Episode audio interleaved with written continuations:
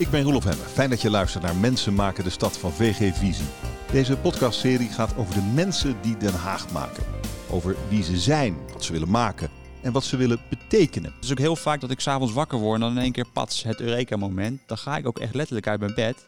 Ga ik aan de keukentafel zitten en dan moet het er even uit. En sommige mensen verklaren me voor gek, inclusief mijn vrouw. Maar zo werkt dat nou schijnbaar. Sebastiaan Jans is bij me. Hij is architect en partner bij KOB. Welkom, fijn dat je er bent. Hoi. Wat maakt jou goed in je werk? Ja, dat is een leuke vraag. Want het, is, ehm, het, is heel, het heeft heel veel dimensies, dit werk. Hè? Dus eh, je bent met meerdere mensen in gesprek, meerdere belangen die je eh, moet behartigen. Eh, ik denk dat ik heel erg goed ben in ehm, conceptmatig modern vakmanschap. Dat zijn al wel drie woorden, zou je kunnen zeggen. Nou, laten we het uit elkaar trekken. Conceptmatig modern vakmanschap. Ja. Concept. Concept. Goede concept, dat is altijd het drager van je plan. Dus als je dat niet hebt, dan, uh, dan ben je er niet, zeg ik dan. Concept is eigenlijk het basisidee. Ja, klopt. Uh, dan modern. Wij, sta, wij, zijn een modern wat, uh, wij zijn een bureau wat voor modern, moderne architectuur staat. Wat is dat? Ja, dat zou je in de beeldtaal kunnen zien, maar je zou het ook kunnen zien in de, in de manier waarop je materialen gebruikt. Uh, denk aan circulariteit, uh, denk aan uh, je detaillering, je losmaakbaarheid, denk aan de toekomst. dus het gebouw moet ook weer uit elkaar gehaald kunnen gaan worden. En vakmanschap sluit daar heel nauw bij aan, vind ik. Want wij hebben een team met heel veel gepassioneerde mensen. Niet alleen architecten, maar ook mensen die dingen uit kunnen werken. Dat betekent dus dat wij uh, heel goed weten uh, hoe we dingen moeten maken. Uh, ook vaak in samenspraak met een aannemer. En, en hoe kan ik dan zien dat een, dat een gebouw door jou is ontworpen? Ja, dat is ook een en leuke niet door iemand anders. Ik maak eigenlijk altijd maatpakken, zeg ik dan. Dat betekent dus dat ik niet altijd een wit gebouw ontwerp, maar altijd een, gebouw wat past op zijn plek. en dat zullen een heleboel architecten zeggen. Um, maar daar, om daar nog even een leuke twist aan te geven, vind ik wel leuk. Bijvoorbeeld, we hebben net een gebouw uh, ontworpen, drie gebouwen ontworpen op de Duin in Kijkduin. En ik had altijd een potje zand op mijn bureau staan met een aantal schelpen daarin als, uh, als zeg maar mijn concept voor uh, het materiaalgebruik van die gebouwen. Dat is echt ontspro ontsproten uit het duinlandschap, zou je kunnen zeggen. Dus het kleurenpalet wat daarin zit, komt uit dat, uit zand met die schelpjes.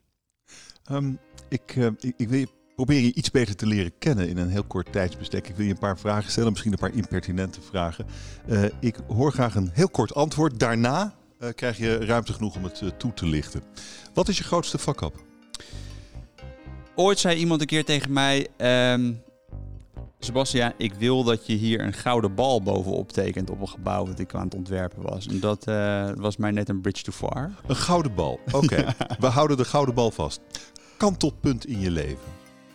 Kantelpunt in mijn leven is uh, geboorte van mijn tweede zoontje. Die uh, heeft een aangeboren hartafwijking. En op dat moment stond ik ook op een soort tweesprong in mijn carrière. Oké, okay. hou vast. Ja.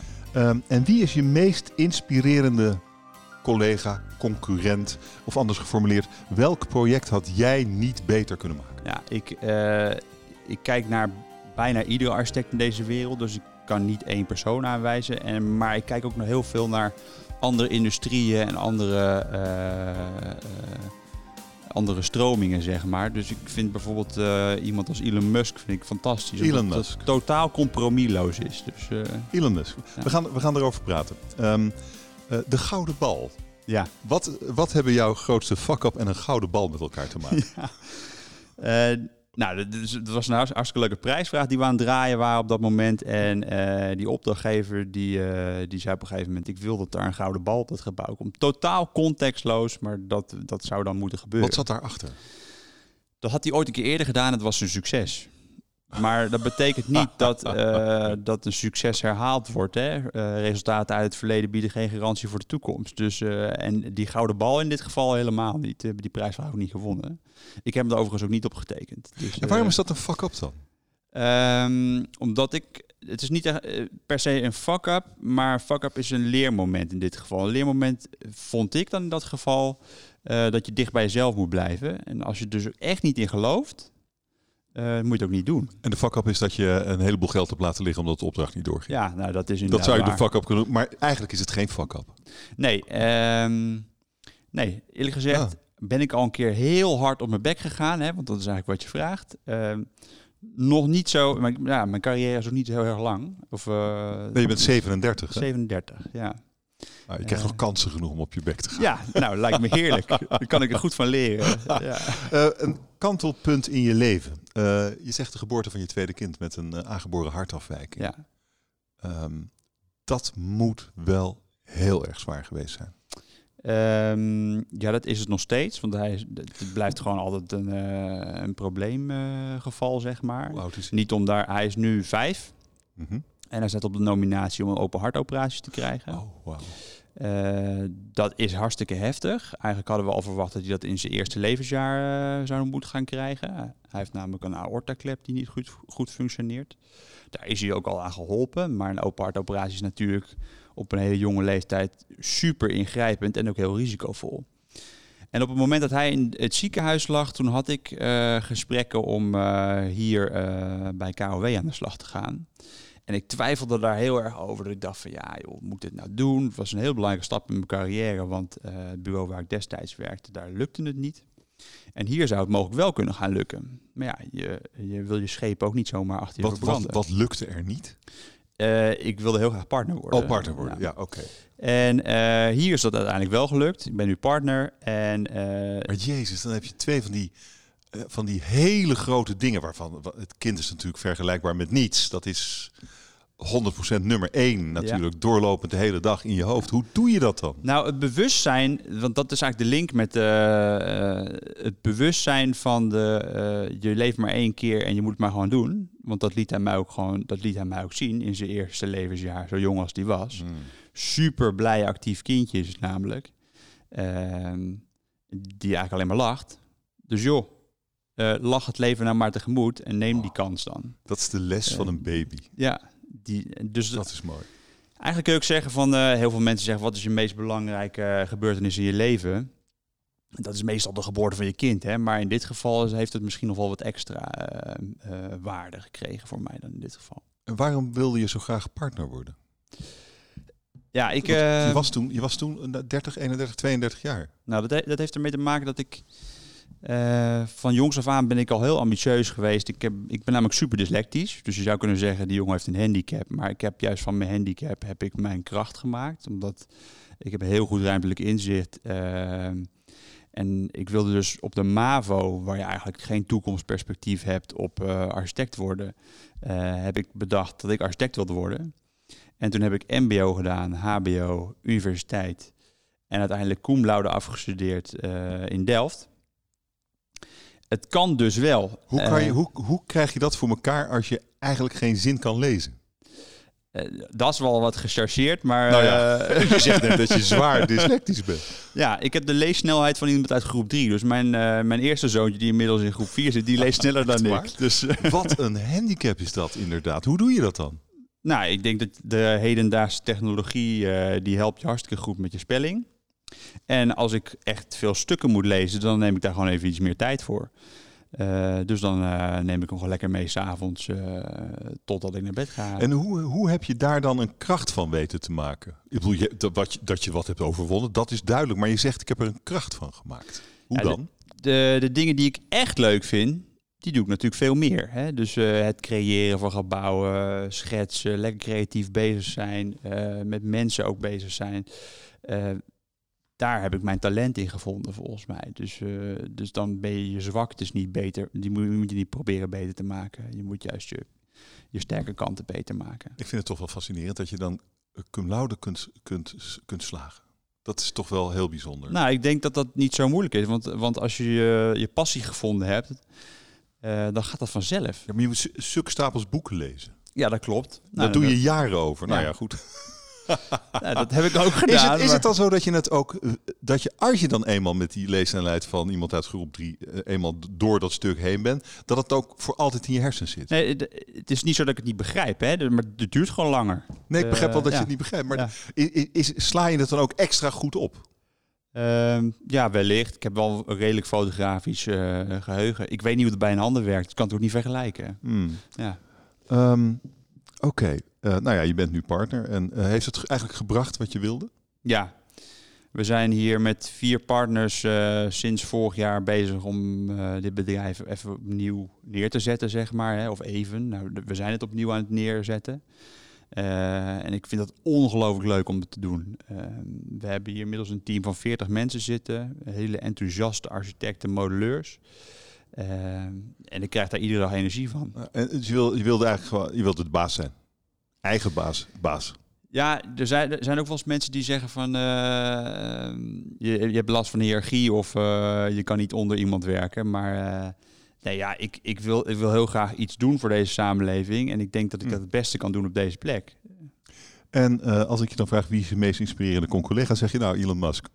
Ik bedoel, de, de, de, lat gaat Nee, meteen ja, kijk, hoog. eh, kijk, er zijn ook wel eens mensen die zeggen van je maakt eh compromisloze concepten. En dat betekent dus dat ik, ik ga bijvoorbeeld in een prijsvraag echt wel tot het gaatje. Eh, omdat ik graag het maximale wil bereiken in mijn vak. En eh, dat geldt ook voor eh, de ontwerpen die ik wil realiseren. Dan, dan wil ik ook echt dat klopt. En dat zou je van Elon Musk ook kunnen zeggen. Die heeft natuurlijk een concept neergezet wat super risicovol is, zou je kunnen zeggen. Maar als het je lukt, dan verdien je wel 10 punten. Dit is interessant, compromisloos. Daar gaan we zo direct over doorpraten. Deze podcast van VG Visie wordt mede mogelijk gemaakt door DVP. DVP helpt bij de ontwikkeling en realisatie van projecten. Hoge kwaliteit, financieel beheerst met als doel gewild en rendabel vastgoed. Daadkrachtig, onafhankelijk, integer. DVP. Je wilde architect worden op de MAVO, zei je. Ja. Ehm, waar, waar komt die drang vandaan om architect te willen worden? Het heeft ermee te maken dat je een soort schepping maakt die, eh, die, de, samenle die de samenleving vormgeeft, zou je kunnen zeggen. En eh, die, ik hoop daar ook de samenwerking. Of de, Je noemt het ook schepping. Ja, dat is Daar is een ook een dik- boek over woord, hè, geschreven. jongens, ja, dat is echt. eh, nou, maar even serieus. eh, Ja. ik, ik ervaar het wel een soort van een geboorte van een kindje wat je gemaakt hebt. Wij werken echt soms vijf tot tien jaar aan een project en totdat het gerealiseerd is. Eh, dat, dat kan van eerste streep zijn tot uiteindelijke realisatie. En Maar dat wist je al toen je 12, 13, 14 was dus. Ja, dat is. ehm, eh, mijn vader heeft me ooit een keer meegenomen naar een eh, architectenbureau toen ik daarover dacht eh, om het te worden. En dat, heeft, dat heeft me nog meer aangezet. tot, Wat was dat precies? Je staat in een kantoor. Dit is ook een kantoor. Ja. Je, je bent, je bent 12, 13, je staat in een kantoor en je denkt, dit wil ik. Kan je Ja, dat moment, dat is gek, kun, je, kun je dat terughalen? Ik ben heel erg iemand die met zijn handen werkt. Dus eh, ik zag daar mensen schetsen. Ik zag maquettes gecreëerd worden. eh, en om die dan uiteindelijk eh, gerealiseerd te worden in werkelijkheid, is natuurlijk wel eens dat is iets heel bijzonders. Dat, Dus jij, jij, jij zag mensen die dingen maakten, eigenlijk. Terwijl het nog maar op papier was. Ja. En, en toen wist je zeker, dit is mijn toekomst. Ja, dat is gek eigenlijk, hè? Maar ik, ik, ik, heb me ook wel gerealiseerd dat het heel prettig is om dat te hebben. Want eh, mensen die hun leven lang aan het zoeken zijn naar hun roeping, eh, dat is, die had ik al heel vroeg gevonden, zeg maar. En dat vond ik dan ook gelijk in mijn, in mijn talenten. Dus eh, Nou ja, maar dan die dyslexie. Het zegt wel wat over je doorzettingsvermogen en je, je wil om architect te worden. Dat je vanaf de MAVO dat voor elkaar hebt gekregen. ja. Ja, ik ben Wat- ook best wat- een beetje... Wat ben je dan voor iemand? Een machine. Nou ja, jij zegt het, maar eh, iemand met doorzettingsvermogen. Maar ook gewoon iemand die heel graag iets wil, hè? Als je heel graag iets wil, dan ga je het ook bereiken. Je zei compromisloos. Dat, dat is wat je, eh, wat, wat, wat je in je gebouwen wilt doen. Maar een architect is altijd gebonden aan van alles. Ja. Opdrachtgever, locatie, kosten. Er zijn zoveel beperkingen. Eh, hoe kun je dan compromisloos zijn? Ja, het is natuurlijk dus bijna onmogelijk, compromisloos. Want wat je al zegt, er zijn zoveel parameters waar je rekening mee moet houden. Het is ook een gebonden kunst, zou je kunnen zeggen. Hè? Dus, eh, Is het kunst? Ja en nee. Eh, daar moet ik een beetje politiek correct in zijn misschien. Maar wat vind jij ten diepste? nou, ik vind het wel kunstig wat wij doen. Eh, over het algemeen. Dat is zo, dat is heel diplomatiek. ja. Gebonden kunst. Ja, nee, gebonden kunst. Maar kijk, ik ben geen kunstenaar. Want dan, dan, dan heb ik eh, geen klant of geen doelgroep. Of dan maak ik gewoon wat ik zelf, mijn eigen ego zou, eh, zou verlangen. Ja. Ehm, dus ik ben geen kunstenaar. Ik hou rekening met dingen. Maar het is wel mooi om die dingen bij elkaar te brengen. Maar hoe, ben je, hoe kun je daarin compromisloos zijn? Nou, die gouden bal. Dat is wel, dan denk je van ja, dat verdom ik gewoon. Dat is redelijk compromisloos. Ja, Maar verder, wat kun je verder doen? Want die opdracht ben je dus, heb je niet gekregen. Dus het is niet altijd productief. Nee. Hoe- kun je compromisloos zijn binnen, binnen al die parameters? Eh, nou, ik denk dat je moet zoeken naar ehm, eh, de gemene deler, zou je kunnen zeggen. En dan zou je toch kunnen zeggen dat het een compromis. Maar ehm, eh, kijk, ik maak best wel ontwerpen die eh, soms vooruitstrevend zijn. En dat betekent dus dat eh, er was op een gegeven moment een keer een jurylid die zei van I've never seen something like this before. Omdat het, was ook letterlijk een Engelsman, dus ik citeer hem maar eventjes. Dat was een gebouw wat, eh, wat eh, 70 meter hoog was, had bomen in zich zitten. We hadden heel veel hergebruik van materialen, een super vooruitstrevende vormgeving. Dat was op dat moment ook nog hartstikke bijzonder. We hebben overigens die prijsvraag niet gewonnen, want eh, het was gewoon een bridge too far. Daar, dat was een gebouw wat dat produceerde voedsel, dat, eh, dat zuiverde water. Eh, ja, heel fijn dat die opdrachtgever ons die kans gegeven heeft in die prijsvraag. Maar dat was net een, brug, een brugje te, te ver op dat moment. Maar het klinkt wel fascinerend. En misschien is dat inderdaad wel compromisloos. Dat je al die functies erin wil hebben.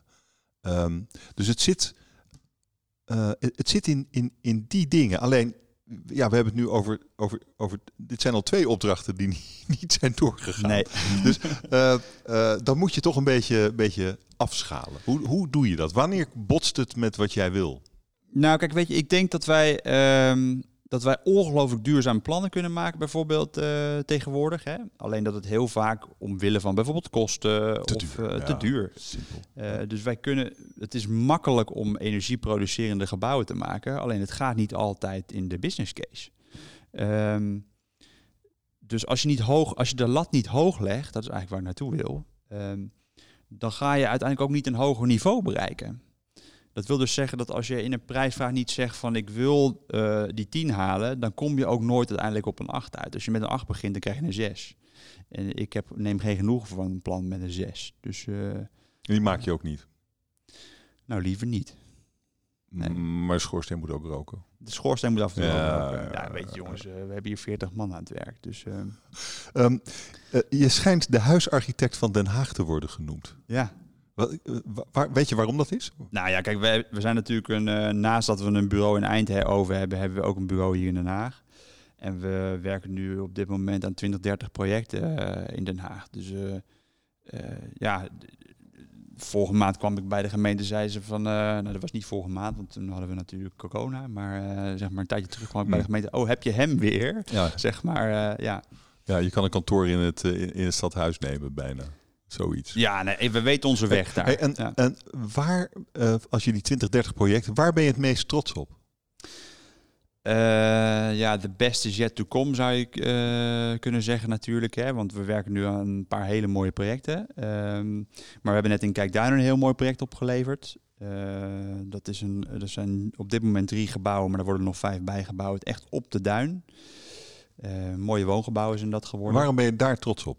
Ja, er zijn er nog een paar hoor. Ik wilde nog een paar Oh. voorbeelden noemen. Maar, Maar misschien moeten we... Oké, maar krijg je alle gelegenheid voor. Maar laten we eerst de- deze in kijken. Nou ja, ik, ik, ik kitesurf heel erg graag. En eh dat is ook wel een soort jongensdroom waarvan ik dacht, van, nou, als het dan ooit nog een keer mag om eh, een stukje kust te bebouwen, dan zou ik dat toch wel een keertje op mijn konto willen schrijven. Eh, en dat is gelukt. En vind je het niet zonde om op het duin te bouwen? Duinweg. Nou, eh, ja en nee, want het is een herontwikkeling van een bestaand eh, winkelcentrum. En dat winkelcentrum had echt geen leven meer in zich zitten. bij het- eh, dat is bij Deltaplein, hè? Eh, dat winkelcentrum gaat er binnenkort gesloopt worden. De eerste drie gebouwen hebben we er omheen gebouwd. En daar ontstaat gewoon een totaal nieuw stukje stad. Uh, wat volgens mij vele malen beter is voor de uh, stad dan hetgeen wat er nu staat. Dus daarin zou je kunnen zeggen, ik vind het zonde om nieuw duingebied uh, te ontginnen en daar wat in te bouwen, zeg maar. Want het duingebied is ongelooflijk prachtig in Nederland. Dat zou je een, ja, het is gewoon een natuurgebied wat heel veel waarde heeft. niet alleen voor de stad Den Haag, maar voor heel Nederland. Hè. En uh, daar moet je volgens mij hmm. niet meer in willen bouwen. Maar oké, uh, nou, dus kun je afvinken, dat is gelukt. Ja. Waar, waar, waar, ben je nog meer trots op? Ik heb onlangs in het Hartjescentrum hier een, een gebouw getransformeerd. Dat is de Haagse Bluff.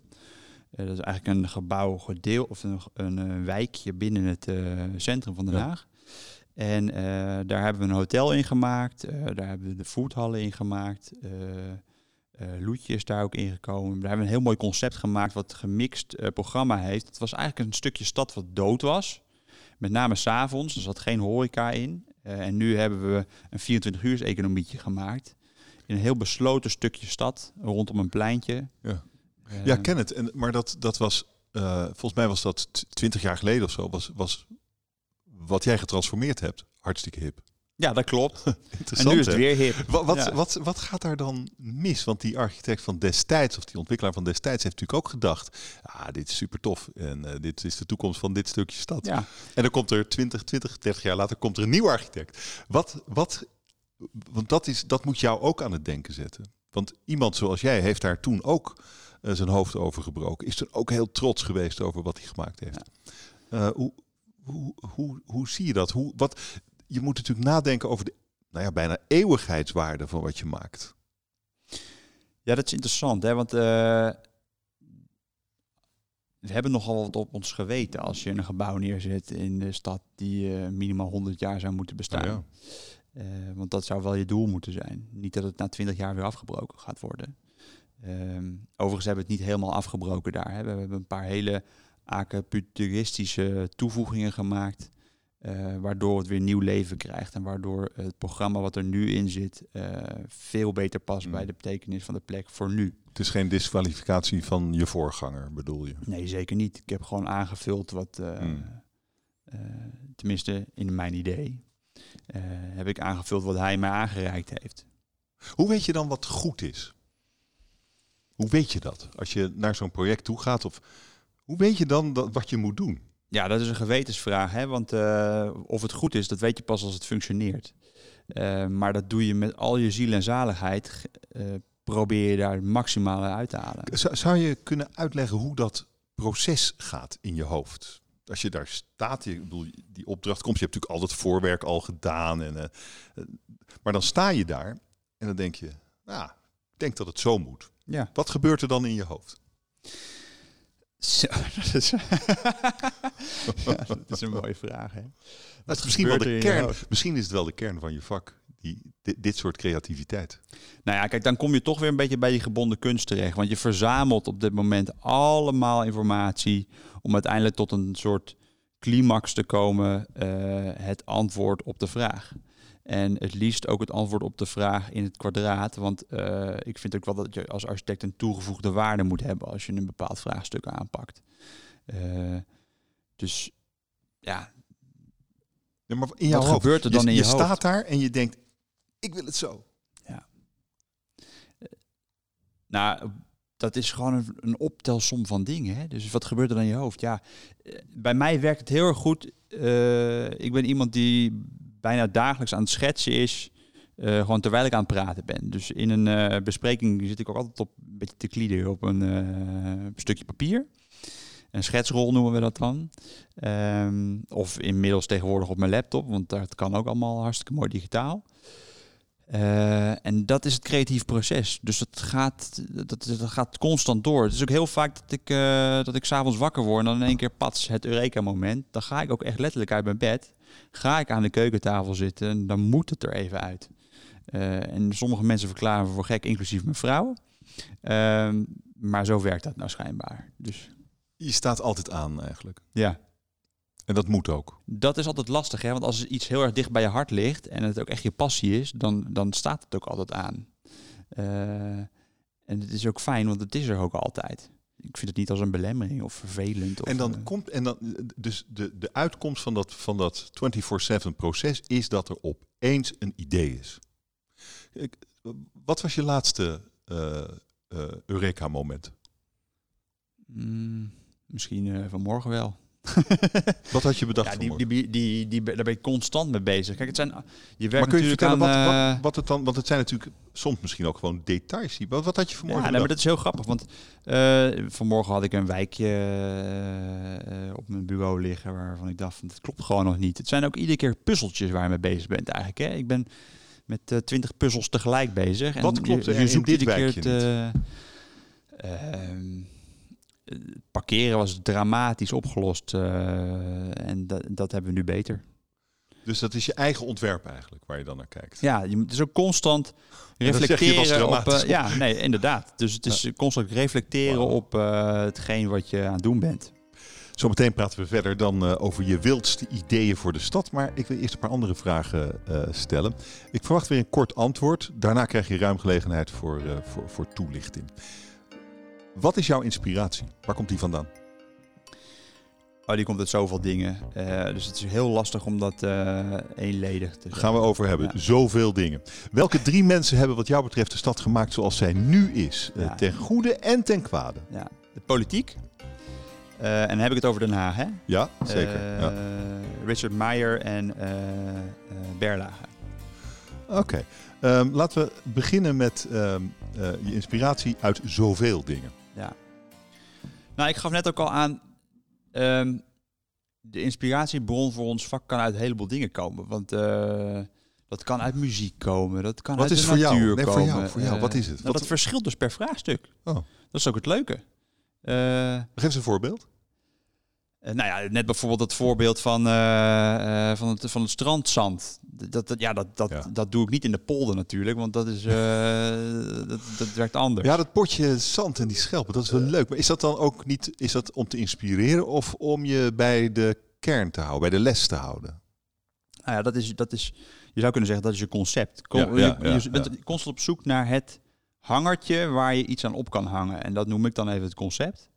Ehm, dat is dan de rode, drein, de, de rode draad door het project eh, heen. En komt dan de rest vanzelf? Als je concept eenmaal, je hangertje, als dat eenmaal goed is, Ja. Dan komt de rest vanzelf. Ja.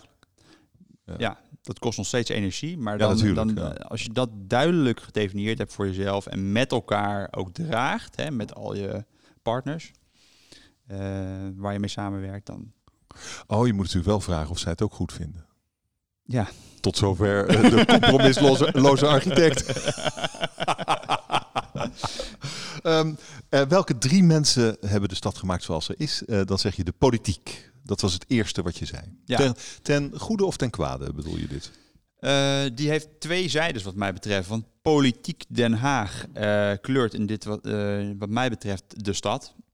Als ik hier naar de skyline van Den Haag kijk, dan is ongeveer, nou, laten we zeggen, 20% van de skyline is, is door de politiek gemaakt. Hè. Daar zitten letterlijk zitten ambtenaren in. Ehm, dus wat mij betreft kleurt dat de stad. Ehm, maar politiek Den Haag zou je, als je kijkt naar stedenbouwkundige oplossingen die af en toe aangedragen zijn, zitten er ook wel een aantal mono eh, wijken in Den Haag die ook aandacht verdienen op dit moment. Dat zou je ook politiek kunnen noemen. Hè? Vroeger dachten we schijnbaar dat dat eh, slim was om te doen. Een heel eh, sociaal geconcentreerde wijk maken, enzovoort, enzovoorts. Maar een dergelijke wijk bijvoorbeeld als Zuidwest, die nu behoorlijk op de schop genomen wordt, ook door ons, eh, die verdient veel meer dan eh, alleen een sociale woningbouwopgave daar. Eh, dus mixen is volgens mij hetgeen wat we nu op dit moment aan het doen zijn. Het is ook weer eigenlijk weer fouten uit het verleden herstellen. Ja, maar daar ben je constant mee nu. bezig. Ja. Want we bouwen niet meer in het weiland. Dat doe ik ook liever niet. Dus als je eh, door de stad heen loopt en je, je constateert een fout tussen aanhalingstekens, eh, dan, dan heb ik heel vaak het gevoel van hier wil ik iets mee, daar doe ik iets, daar, daar moet ik iets mee. Eh, Dus ik heb ook wel een schetsboekje waar ik af en toe bijvoorbeeld met ontwikkelaars over spreek. Van jongens, dit is een plek in de stad, het bevalt me gewoon niet. Laten Wacht we even, daar. wacht even. Dan loop jij, je, bedoel, je hebt het hartstikke druk. Denk ik, hè? Dus dan loop jij door de stad met je schetsboekje en dan zie jij zomaar iets. zomaar iets. Niet een project van jezelf, zomaar iets. Ja. En dan ga je daar een beter plan voor bedenken. Ja, dat, dat kan een hele... En heb je zo wel eens een opdracht gekregen? Ja. Maar dat is, je zou kunnen zeggen van... eh, dat, dat is... Ja, natuurlijk. Want eh, uiteindelijk, je- vraagt dit item gaat over mensen maken de stad. Ja, Wij maken de stad. Ja, is Ik maak de stad. En dat Eh, wil je ook. Dat wil ik ook. En ik wil hem ook beter maken. Eh, dus als ik ontdek dat er ergens iets niet werkt zoals het zou moeten werken in mijn ogen, dan gaan we kijken of dat anders kan. En wat vind je dat er niet werkt? Wat was de laatste keer dat je dat constateerde met je schetsboekje? Ehm, dat was op een stationslocatie. En ik laat eventjes de stad achterwege dan. Eh, het was niet in Den Haag overigens. En toen dacht ik van, ja, dit kan zoveel beter, jongens. Hmm. Eh, Ja, eh, wat dacht je, eh, Rotterdam of zo? Je gaat vissen. Waar ze Maar, net een schitterend eh, station hebben neergezet. Dat is- nee. Nee, maar... Nee, ehm, maar wat, kun je iets concreter zijn? Misschien met een ander voorbeeld. Ehm, Bijvoorbeeld uit Den Haag natuurlijk. Ja, bij voorkeur. Ja. Nou, er zijn een aantal plekken in Den Haag waarvan ik nog steeds denk, daar moeten we wat mee. Welke? Eh, ik vind bijvoorbeeld het laat en los eh, terrein naast eh, de oude Vroom en Dreesman. dat vind ik een hele interessante, omdat dat eigenlijk, die ligt op een zichtas. Ze hebben er een heel mooi hek voor gezet tegenwoordig. Maar dat is een plek waar je eigenlijk gewoon pop een gebouw neer zou willen zetten. Ehm, en die mag wat mij betreft zelfs wat hoogte hebben. Ehm, dat dan soort maar- plekjes waarvan ik denk van ja jongens, maar je loopt hier in de straat van Den Haag en dan hebben we gewoon een mega groot laat en los eh, hof gemaakt. Eh, de- Oh, Dat is interessant. Want, de- en dan denk je, nou, dit kan echt beter, dit kan anders. Dan ga je dus bellen. nee, ik ga eerst schetsen, want dan denk ik van dit heb ik in mijn hoofd zitten en dat is een schetsje van, van een kwartiertje. En ehm, dan, ga ik, dan ga ik dat gewoon eens polsen. Hè? En zo heb ik heel veel van dat soort ideeën. Maar dan bel je de eigenaar op. Nee, dan, eh, in dit geval Zo. heb ik eerst eh, bijvoorbeeld eens een keertje bij de stedenbouwkundige gevraagd eh, bij de gemeente. Dus gewoon eventjes terloops. Wat vind je hier eigenlijk van? Kan dat wel? Die zag het op dat moment een beetje anders.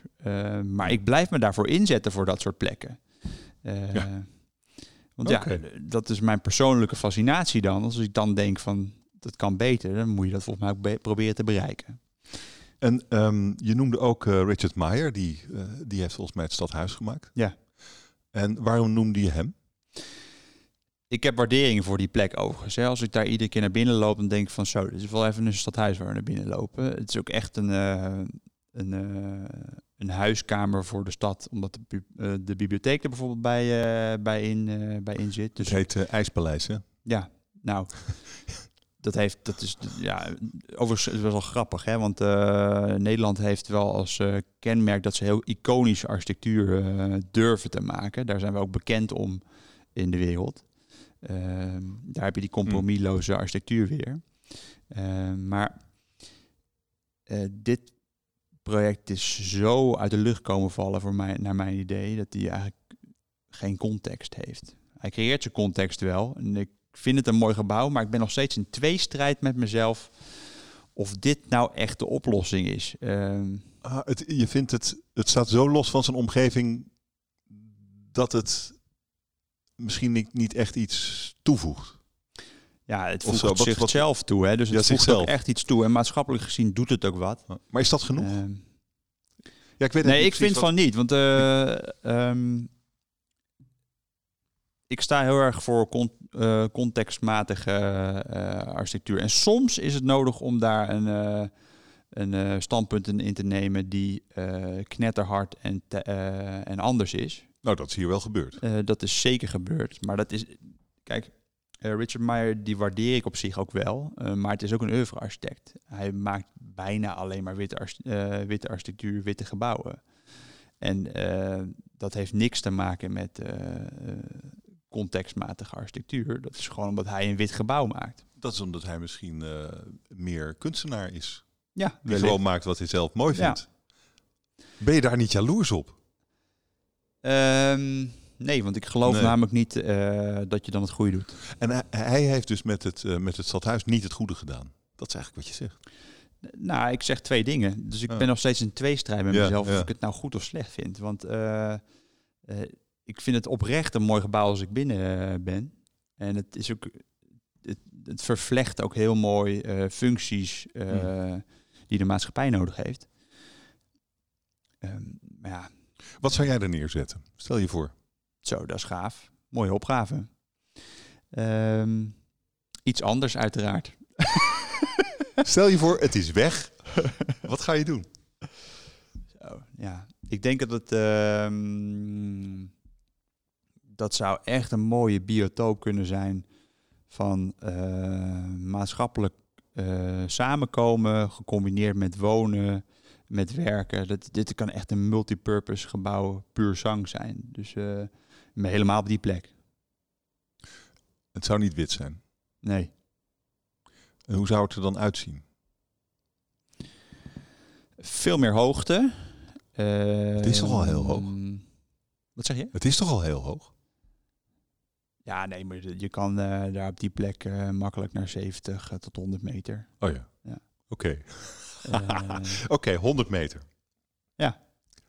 En dan? En verder? Wat zie je voor je?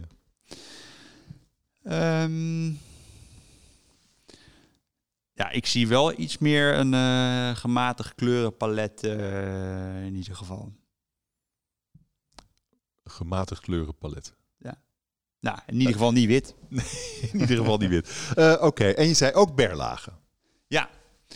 Nou ja, kijk, dat is natuurlijk een hele klassieke en die, daar kun je ook bijna niet omheen. Eh, die heeft heel veel eh, wijken getekend voor, voor Den Haag.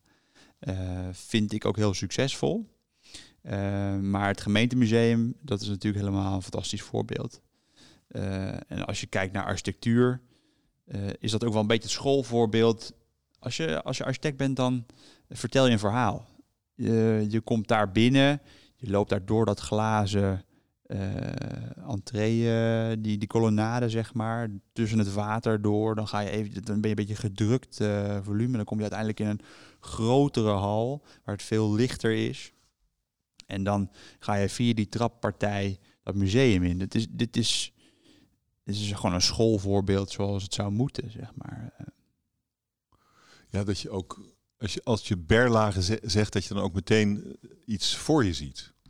Ja. Eh, dan, dan, ja. Nou ja, als je straks Jansen zegt dat je dan iets voor je ziet. Wat zou, hoe zou je dan herinnerd willen worden? Als je dit, als je, nou ja, als je, zo, als je zo spreekt over berlagen. Ik, ehm, kijk, weet je, overigens, iedere goede architect doet dat, vind ik. Hè? Dus ik probeer dat ook in mijn, eh, in mijn gebouw eh, in te brengen. Dat verhaal van... ehm, je neemt de mensen letterlijk mee in een verhaal van, van, van, van straatsteen tot deurbel, zeg maar. Eh, dus van, van woonwijk tot deurbel, zou je eigenlijk willen zeggen. Ehm, dat ontwerp je. En dat is, een- dat is een verhaal. Dat doet hij ook heel knap. Wat is het verhaal dan? Nou, daar heeft het te maken met eh, uitzicht, licht, schaduw. ehm, heeft het te maken met hoogte, proportie, ruimte. eh, en daar, daar, dat doet hij heel vakkundig. Dan denk ik, eh, ja, vorm. Ja, maar, Maar daar zijn we noemt- constant mee bezig. Maar ja, ja, ja, maar je noemt het verhaal. Ja. Oh, Maar je kan een verhaal vertellen door middel van vorm. Hè? Ja, maar oh, dat begrijp ik. Maar ik zoek, ik zoek dan, wat is dan het verhaal van een gebouw? Dat is leuk, hè? Want eh, daar word je natuurlijk op de universiteit ook voor opgeleid, zou je kunnen zeggen. Hè? Om daar een soort van eh, om daar een verhaal bij te bedenken. Maar het zou fijn zijn als mensen eh, daar vervolgens een soort emotie bij ervaren. Dat is. ehm, als je bijvoorbeeld eh, in de Sint-Pieter loopt in, in Rome, dat is een, zo'n enorm sacraal groot gebouw. Dan krijg je een soort van wauw-effect. Eh, dan word je even stil. Eh, dan voel je een soort nederigheid. Ehm, dus de gevoelswaarde die een gebouw bij jou oproept, die, eh, daar zit volgens mij een soort sleutel. Oh, ja, ja. En nou, dan noem je dit voorbeeld, maar dat is natuurlijk eigenlijk intimiderend. Nou, in, de, in dit voorbeeld geval. wel, ja. En is, maar wat is het gevoel dat jij dan wilt oproepen? Nou, ik wil prettige ruimtes maken voor mensen. Om in te verblijven, om in te werken of in te wonen. Eh, en iedere ruimte vraagt om een ander soort expressie, een ander soort gevoel, en een ander soort eh, behandeling van het materiaal, van het oppervlak, van de ruimte. Ehm, als je een hele smalle, hoge ruimte maakt, dat is niet prettig om in te wonen of uh, om in te werken. Dat is meer een soort museumruimte. Maar, en wat voor, wat voor materiaal geef je de wanden? Uh, ja, ja dat is, maar dat is nog wel, denk ik, wat elke architect met je eens is. Tuurlijk. En wat is dan jouw signatuur daarin?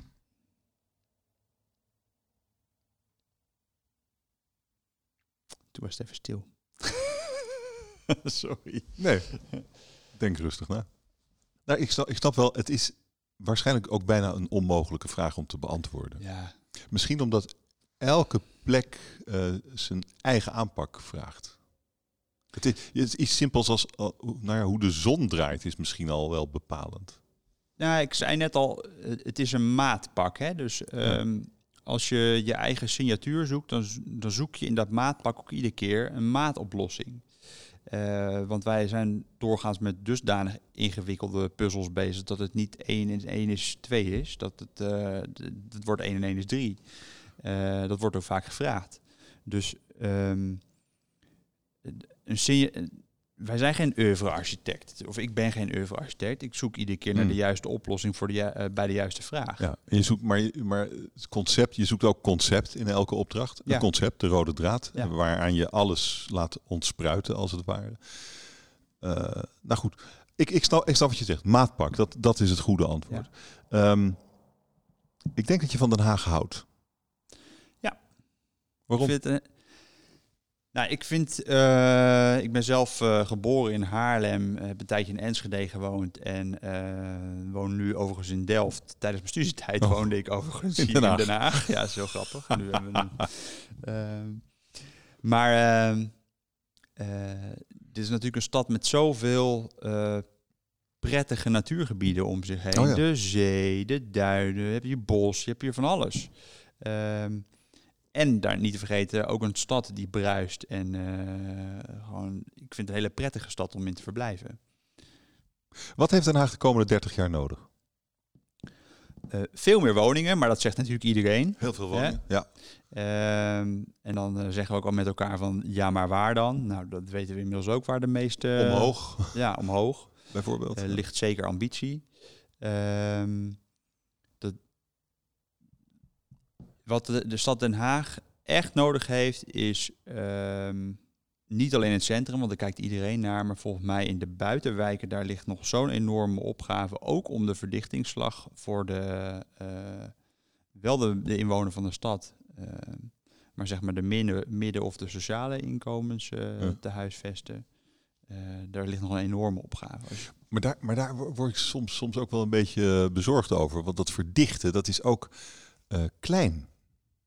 Met het risico van benauwd. Je bedoelt klein in woonoppervlak? Ja. Uh, maar ik, ik, geloof sowieso dat we uh, aan de vooravond staan van een heel ander soortige uh, kijk naar woonoppervlak, woonbeleving. Ehm, als je gaat verdichten, dan hoef je niet altijd per se een, eh, een woning van 75 vierkante meter te maken. Als je ervoor zorgt dat bepaalde functies gedeeld kunnen worden met elkaar. Ehm, en daarmee een kleinere woonoppervlak gerealiseerd kan worden, dan denk ik dat dat ook heel goed werkt. Ik dacht eigenlijk dat je, dat je zou gaan zeggen over, over de toekomst van Den Haag. Dat je dan dat gebouw waar we het eerder in ons gesprek over hadden. Met die bomen erin, zelfvoorzienend, voedselvoorzienend, ja. uh, duurzaam, uh, uh, modulair zodat het circulair is. Al dat soort dingen. hoe belangrijk is dat voor de toekomst? Dat is een tweede, waarvan komen volgens mij zo op. Maar dat is hartstikke belangrijk voor de toekomst. Want uh, wat ik al zei eerder in het gesprek is dat je. Uh, we kunnen al zo ongelooflijk veel op dit moment. Alleen de business case die laat het nog niet ja. toe. Volgens mij moeten we op zoek naar dat soort sleutels in de toekomst. Waarbij we. Uh, en niet alleen op gebouwniveau, maar meer op, op wijkniveau kijken naar duurzaamheid. En vervolgens uh, een gebouw uh, van 70 meter hoog is, is, uiteraard gewoon energie-neutraal te maken en energie uh, leveren. Maar dat betekent wel dat je hele interessante dingen gaat doen in de gevel met bijvoorbeeld zonnepanelen. Ehm, als je het op, op een wijkniveau aanpakt, dan kun je vaak energetisch gezien veel slimmere dingen, veel hoger rendement bereiken. waarin je op wijkniveau slimme dingen aan doen bent. Is, is dat de grootste uitdaging, die, die verduurzaming, die circulariteit uh, in de, in de gebouw, gebouwde omgeving? Zie je dat als jouw grootste uitdaging? Nee, ik denk dat we nog. We hebben, uh, we hebben, als je kijkt naar duurzaamheid, ook een enorme uitdaging op het gebied van milieu. Onze grondstoffen worden minder. De landbouw die uh, gaan we anders aanpakken de komende periode. Ik denk namelijk dat we over 30 jaar zien wij geen koeien meer in de wei lopen. Uh, dan ziet Nederland er heel anders uit, want dan zijn we namelijk uh, bomen aan het planten op de plek waar nu koeien aan het grazen zijn. Om onze eigen CLT-productie op peil te houden en daarmee de CO2-reductie te bewerkstelligen. Ehm, dus ik denk dat we veel minder naar import moeten en meer naar local produced. Dus zelf voedsel produceren. Want het is eigenlijk van de gekke dat ik mijn kind aan het vertellen ben dat de bosdruiven of de, uh, de tros druiven die in de tuin groeit, uh, uh, dat we die doorgaans uit Chili laten komen of uit weet ik veel waar. En eerst met de vliegtuig hier naartoe komt.